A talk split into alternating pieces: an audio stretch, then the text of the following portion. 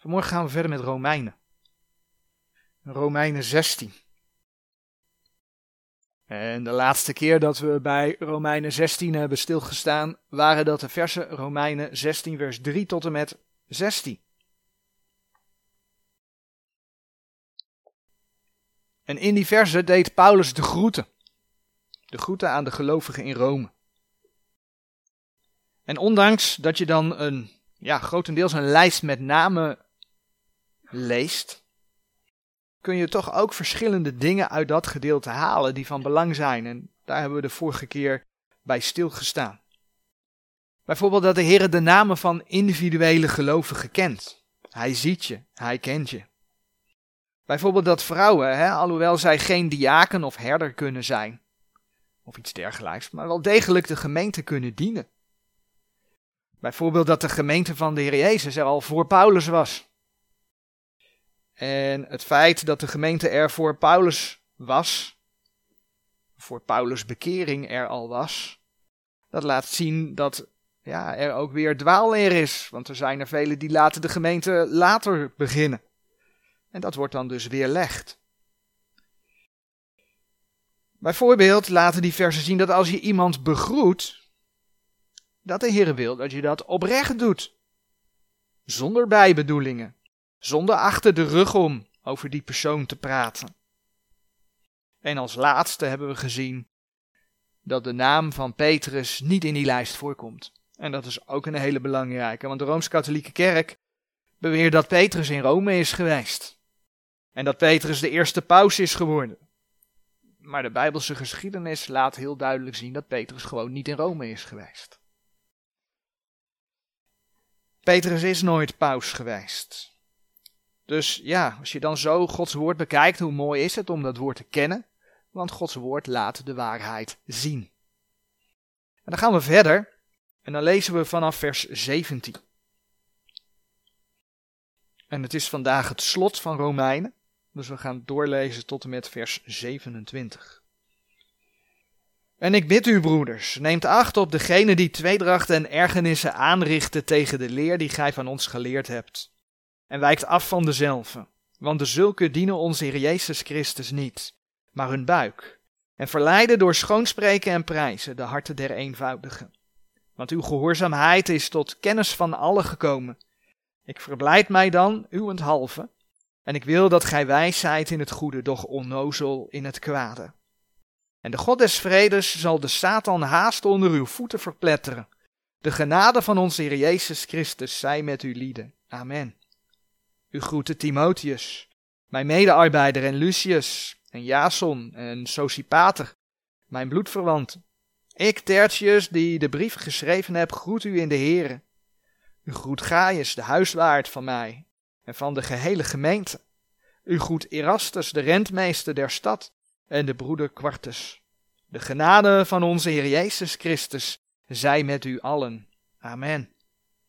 Hem nu die machtig is u te bevestigen naar mijn evangelie en de prediking van Jezus Christus. Naar de openbaring der verborgenheid die van de tijden der eeuwen verzwegen is geweest, maar nu geopenbaard is. En door de profetische schriften naar het bevel des eeuwige Gods tot gehoorzaamheid des geloofs onder al de heidenen bekend is gemaakt. Denzelfde alleenwijze God, zij door Jezus Christus de heerlijkheid in der eeuwigheid. Amen.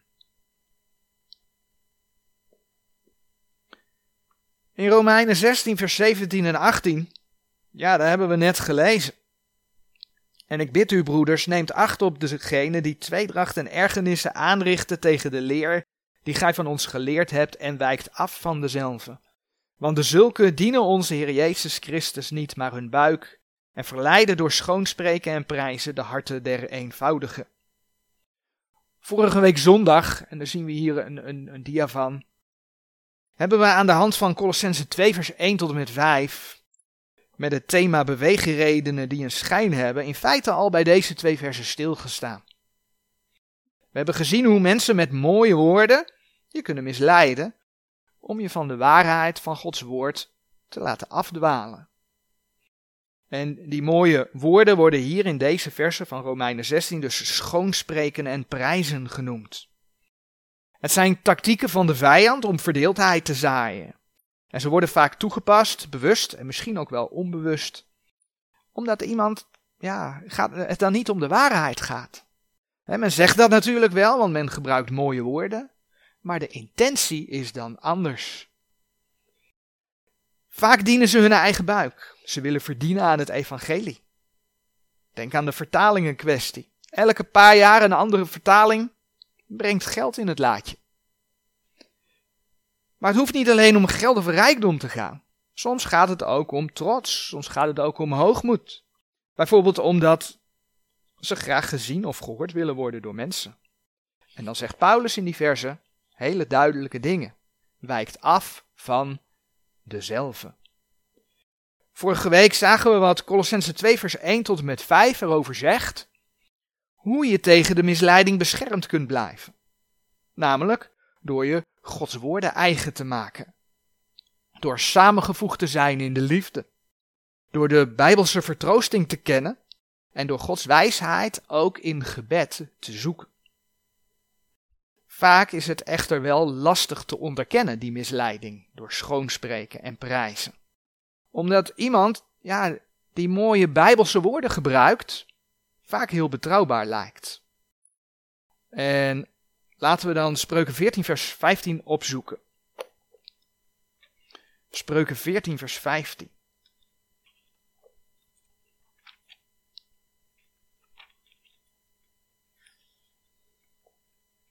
Dat is in deze ook een belangrijk vers. De slechte gelooft alle woord, maar de kloekzinnige merkt op zijn gang.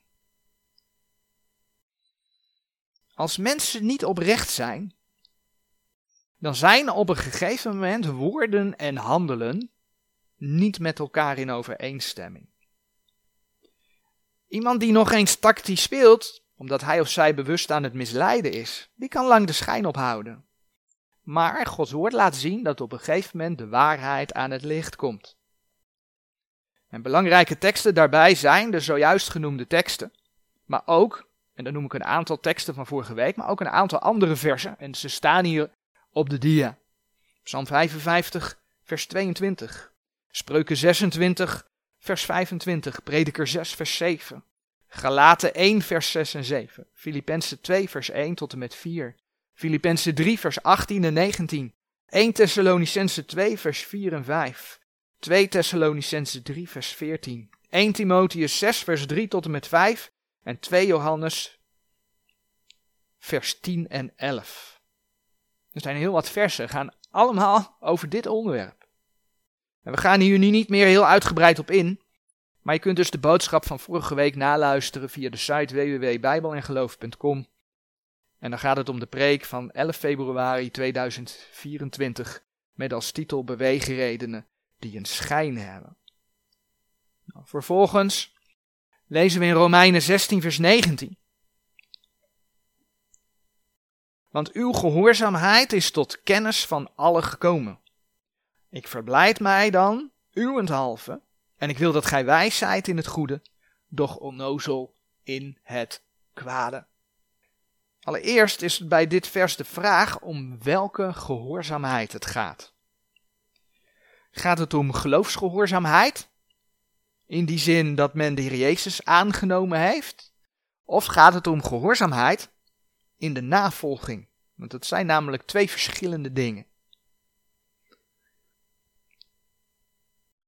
De brief aan de Romeinen spreekt in andere versen van het geloof van de Romeinen dat in de gehele wereld bekend is geworden. En daarvoor bladeren we naar Romeinen 1, want in Romeinen 1 vers 8 zie je dat staan. Romeinen 1 vers 8. Eerstelijk dank ik mijn God door Jezus Christus over u allen dat uw geloof verkondigd wordt in de gehele wereld. En dan lees je in de context daarvan Romeinen 1 vers 5. En dat vers staat geschreven door welke wij hebben ontvangen genade en het apostelschap tot gehoorzaamheid des geloofs onder al de heidenen voor zijn naam. Nou, als het om gehoorzaamheid onder de heidenen gaat, dan is het dus dat mensen het evangelie gaan geloven.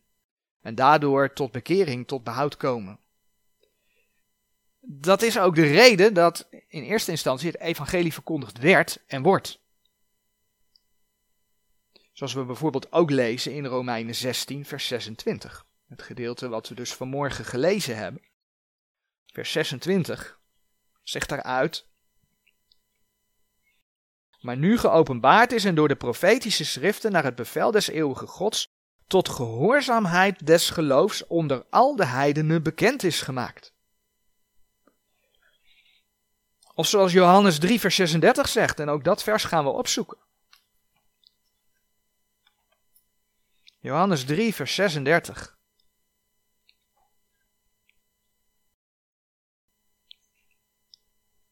Die in de zoon gelooft, die heeft het eeuwige leven. Maar die de zoon ongehoorzaam is, die zal het leven niet zien, maar de toren Gods blijft op hem. Als je dat vers goed leest en de twee delen met elkaar vergelijkt, dan zie je dus dat de zoon gehoorzaam zijn dat is de zoon geloven. Nou, Paulus was dus verblijd dat de Romeinen de Heer Jezus Christus als hun persoonlijke verlosser hadden aangenomen. En het vervolg van dat vers wat we in Romeinen 16 gelezen hebben, vers 19, het vervolg van dat vers gaat dan vervolgens wel over de geloofswandel.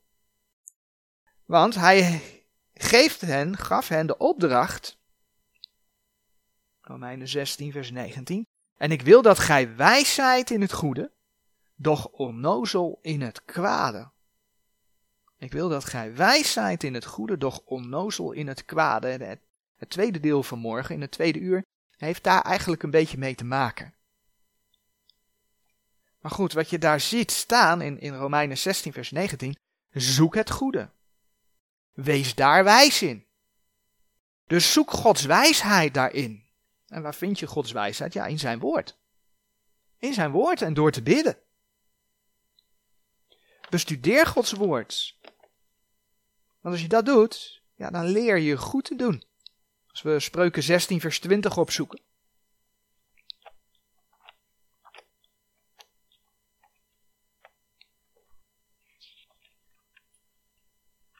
Spreuken 16, vers 20.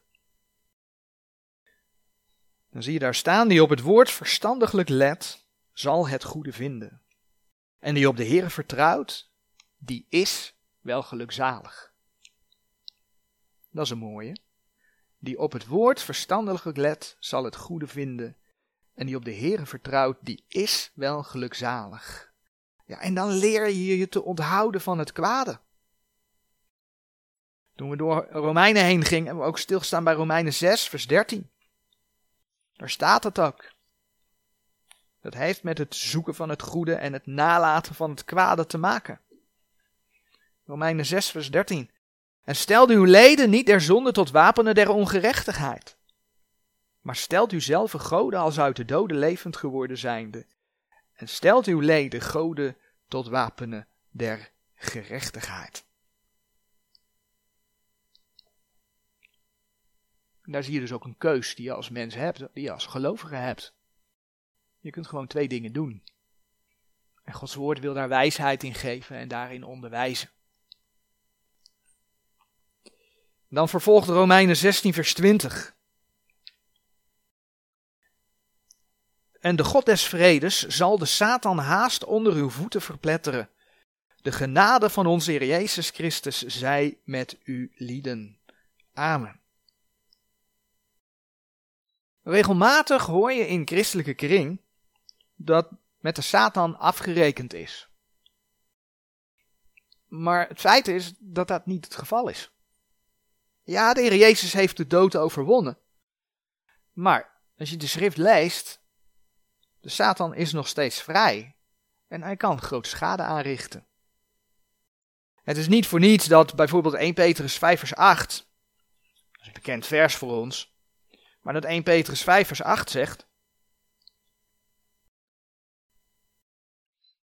Zijt nuchter en waakt, want uw tegenpartij de duivel gaat om als een briesende leeuw, zoekende wie hij zou mogen verslinden. En dan zijn er dus mensen die zeggen dat we nu al in een duizendjarig vrederijk leven en dat de Satan gebonden is, aan een ketting ligt. En dan zegt Gods woord, Zijt nuchter en waakt, want uw tegenpartij de duivel gaat om als een briesende leeuw, zoekende wie hij zou verslinden. Nou, dat die Satan verpletterd gaat worden, want het gaat zeker weten gebeuren, de schrift laat dat zien, dat is natuurlijk een verwijzing naar Genesis 3, vers 15.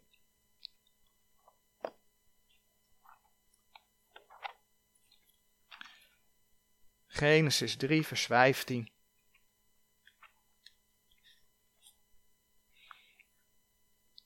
Na de zondeval zegt de Heere, en ik zal vijandschap zetten tussen u en tussen deze vrouw, en tussen uw zaad en tussen haar zaad. Datzelfde zal u de kop vermorzelen, dat wordt tegen de slang gezegd, en gij zult het, de verzenen, vermorzelen. En ja, de Satan is in staat om ervoor te zorgen dat de Heer Jezus aan het kruis zal sterven. Dat is dat stukje, en het zal u de versenen. Genesis 3, vers 15. En gij zult het de versenen vermorzelen. Maar het andere stukje gaat dus over het feit dat de slang de kop vermorzeld zal worden. Een, tekst waar je dat ook tegenkomt, is bijvoorbeeld Habakkuk 3 vers 13. Het is, het is niet één plek waar het staat, maar je komt het eigenlijk door Gods woord heen tegen.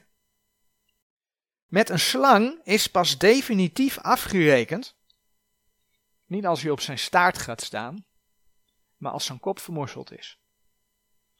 Dus als het hier gaat om het verpletteren, dan gaat het om de definitieve uitschakeling van de duivel. Nou, als je de schrift gaat lezen, dan zie je dat de Satan pas definitief uitgeschakeld gaat worden als de Heer gaat terugkomen. En dat begint natuurlijk bij het feit dat hij eerst voor duizend jaar gebonden zal zijn, hè, tijdens dat duizendjarige vrederijk. Kun je in openbaring 20 vers 2 lezen. Laten we vast naar openbaring 20 toebladeren. Maar uiteindelijk wordt hij na het duizendjarig vrederijk, als hij nog een korte tijd losgelaten is, in die poel des vuurs geworpen. Ja, en dan wordt er gewoon definitief met hem afgerekend. Openbaring 20 vers 10 zegt. En de duivel die hen verleidde werd geworpen in de poel des vuurs en zilvers, alwaar het beest en de valse profeet zijn. En zij zullen gepijnigd worden dag en nacht in alle eeuwigheid. Maar dan staat er in uh, Romeinen 16, vers 20 iets typisch. Namelijk, en de God des vredes zal de Satan haast onder uw voeten verpletteren. Blijkbaar speelt de gemeente daar een rol in. Romeinen 16, vers 19 eindigde met het kwade nalaten en het goede doen. Oftewel met goede werken. Nou, waar heeft goede werken mee te maken als het om de gemeente gaat? Goede werk heeft met loon en kroon te maken. Kun je lezen in, in 1 Korinthe 3, vers 13 tot en met 15. Als je de kronen ontvangt, dan zul je ook met de Here regeren. De misvatting is vaak dat, dat, we, dat, dat de hele gemeente met de Here terugkomt om te regeren in het koninkrijk. Maar een tekst waaruit blijkt dat het niet zo is, maar dat dat wel degelijk dus met beloning te maken heeft, is bijvoorbeeld uh, 2 Timotheus 2 vers 12. En dat is dan een voorbeeld waar je een kroon voor kunt verdienen. Maar die laat dat wel heel mooi zien. 2 Timotheus 2 vers 12. Dat zegt, indien wij verdragen, wij zullen ook met hem heersen. als kind van God ben je behouden indien wij ontrouw zijn, hij blijft getrouw. Hij kan zichzelf niet verloochenen. De Heer Jezus is getrouw. Hij is voor je zonde gestorven, dus je bent behouden. Maar het meeregeren in zijn koninkrijk is aan een indien verbonden. Nou laat openbaring 19 vers 14 zien dat als je met de Heer terugkomt om zijn koninkrijk te stichten en met hem mee te regeren in zijn koninkrijk, dat je dan onderdeel bent van de hemelse heerlegers. Oftewel, dan ben je onderdeel van de hemelse ja, strijdkrachten. En klaarblijkelijk zul je dan op de een of andere manier deel hebben aan de ondergang van de Satan. Zoals er bijvoorbeeld letterlijk geschreven staat dat de gemeente de engelen zal oordelen. En dat kun je vinden als je dat wilt opzoeken in 1 Korinthe 6 vers 3. De gemeente zal engelen. En dat gaat natuurlijk niet om de engelen van God die in de hemel zijn. Dat gaat om gevallen engelen. Die zullen ook geoordeeld worden. En daar heeft de gemeente een deel in. Volgens 1 Korinthe 6 vers 3. Zo zullen we klaarblijkelijk ook een aandeel hebben in het oordeel van de gevallen Gerub. De Bijbel zegt daar verder niet veel over. Dus we zullen daarover ook niet verder gaan speculeren. Ik kan daar niet meer over zeggen dan, dan hier geschreven staat. Voor zover ik nu weet. Maar dit is wat de Heer laat zien. En hij zegt tegen de gemeente in dat vers in Romeinen. Dat dat haast zal gebeuren. Haast. Spoedig. Feit is dat wanneer Romeinen geschreven werd, de profetieën van de eerste komst van de Heer Jezus vervuld waren. Het eerstvolgende hoogtepunt in de Bijbelse profetieën voor deze gemeentetijd is dus de tweede komst van de Heer Jezus. Weliswaar gesplitst in de komst van de Heer voor zijn gemeente in de lucht, hè, dan zal hij de gemeente tot zich nemen. En later zijn komst op aarde voor het duizendjarig vrederijk, maar daarmee wordt wel het lot van de Satan bezegeld. Bij de tweede komst van de Heer Jezus vindt de antichrist zijn einde, openbaring 19 vers 20. En later zie je dus dat de duivel zelf zijn einde vindt. Dat hebben we in openbaring 20 gelezen. Nou, de zegenbeden in, in Romeinen 16 vers 20, dat spreekt voor zich. En vervolgens lees je dan in Romeinen 16 vers 21 tot en met 23 opnieuw een aantal groeten. Alleen nu lees je dat Paulus ook groeten overbrengt namens ja, medegelovigen. En die groeten worden dan gedaan aan de Romeinen. En dan lees je nog in vers 22 dat ene Tertius de brief geschreven heeft. Paulus heeft het gesproken. Tertius heeft het opgeschreven. En dat zie je vaker in de schrift gebeuren. Je ziet het bij bijvoorbeeld, een bekend voorbeeld is Jeremia en Baruch. Je leest dat in Jeremia 36 vers 1 tot en met 4. Jeremia sprak, Baruch schreef het op. En als je dan 2 Petrus 1 vers 21 leest,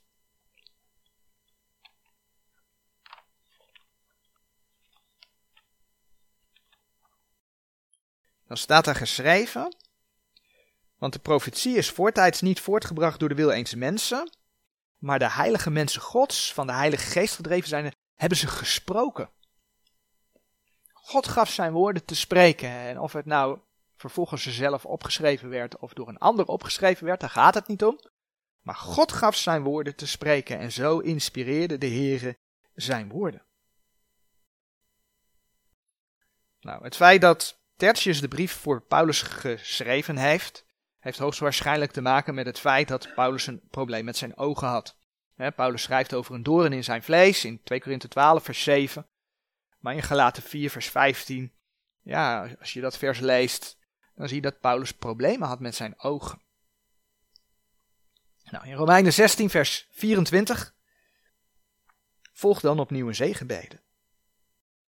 En vervolgens lezen we dan Romeinen 16 vers 25 tot en met 26. Hem nu die machtig is u te bevestigen naar mijn evangelie en de prediking van Jezus Christus, naar de openbaring der verborgenheid die van de tijden der eeuwen verzwegen is geweest, maar nu geopenbaard is en door de profetische schriften naar het bevel des eeuwige Gods, tot gehoorzaamheid des geloofs, onder al de heidenen bekend is gemaakt. Paulus spreekt in die versen, overigens ook op andere plekken, over mijn evangelie.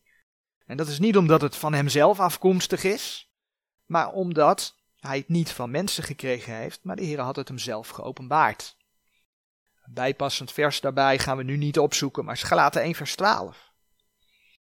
Paulus kreeg de boodschap voor de gemeente van Jezus Christus zelf geopenbaard. Een boodschap die tot op dat moment, hebben we ook kort geleden bij stilgestaan, verborgen was. Kun je lezen in Efeze 3 vers 1 tot en met 9. De Heere openbaarde het aan Paulus, door hem is het aan al de heidenen bekendgemaakt. En hoe? Ja, door de profetische schriften. Gods woorden zijn onder de heidenen bekendgemaakt. En dat gebeurde reeds toen Romeinen geschreven werd in 60 na Christus. Toen ging het evangelie via de profetische schriften ja, al naar de volken toe. En waarom? Dat lees je in die versen tot gehoorzaamheid des geloofs. Zodat de, de heidenen de Heer Jezus Christus als hun persoonlijke verlosser mochten en mogen gaan leren kennen tot verkrijging van het eeuwige leven. Dus zo belangrijk is het feit dat dat woord van God vandaag de dag verkondigd wordt. de bekende versen in Romeinen 10, vers 14 tot en met 17, die zeggen: Hoe zullen wij dan hem aanroepen in welke zij niet geloofd hebben? En hoe zullen zij in hem geloven van welke zij niet gehoord hebben? En hoe zullen zij horen zonder die hun predikt? En hoe zullen zij prediken indien zij niet gezonden worden? Gelijk geschreven is hoe liefelijk zijn de voeten dergenen die vrede verkondigen, dergenen die het goede verkondigen. Doch ze zijn niet alle het evangelie gehoorzaam geweest, want Jezaja zegt, Heere, wie heeft onze prediking geloofd? Zo is dan het geloof uit het gehoor en het gehoor door het woord Gods.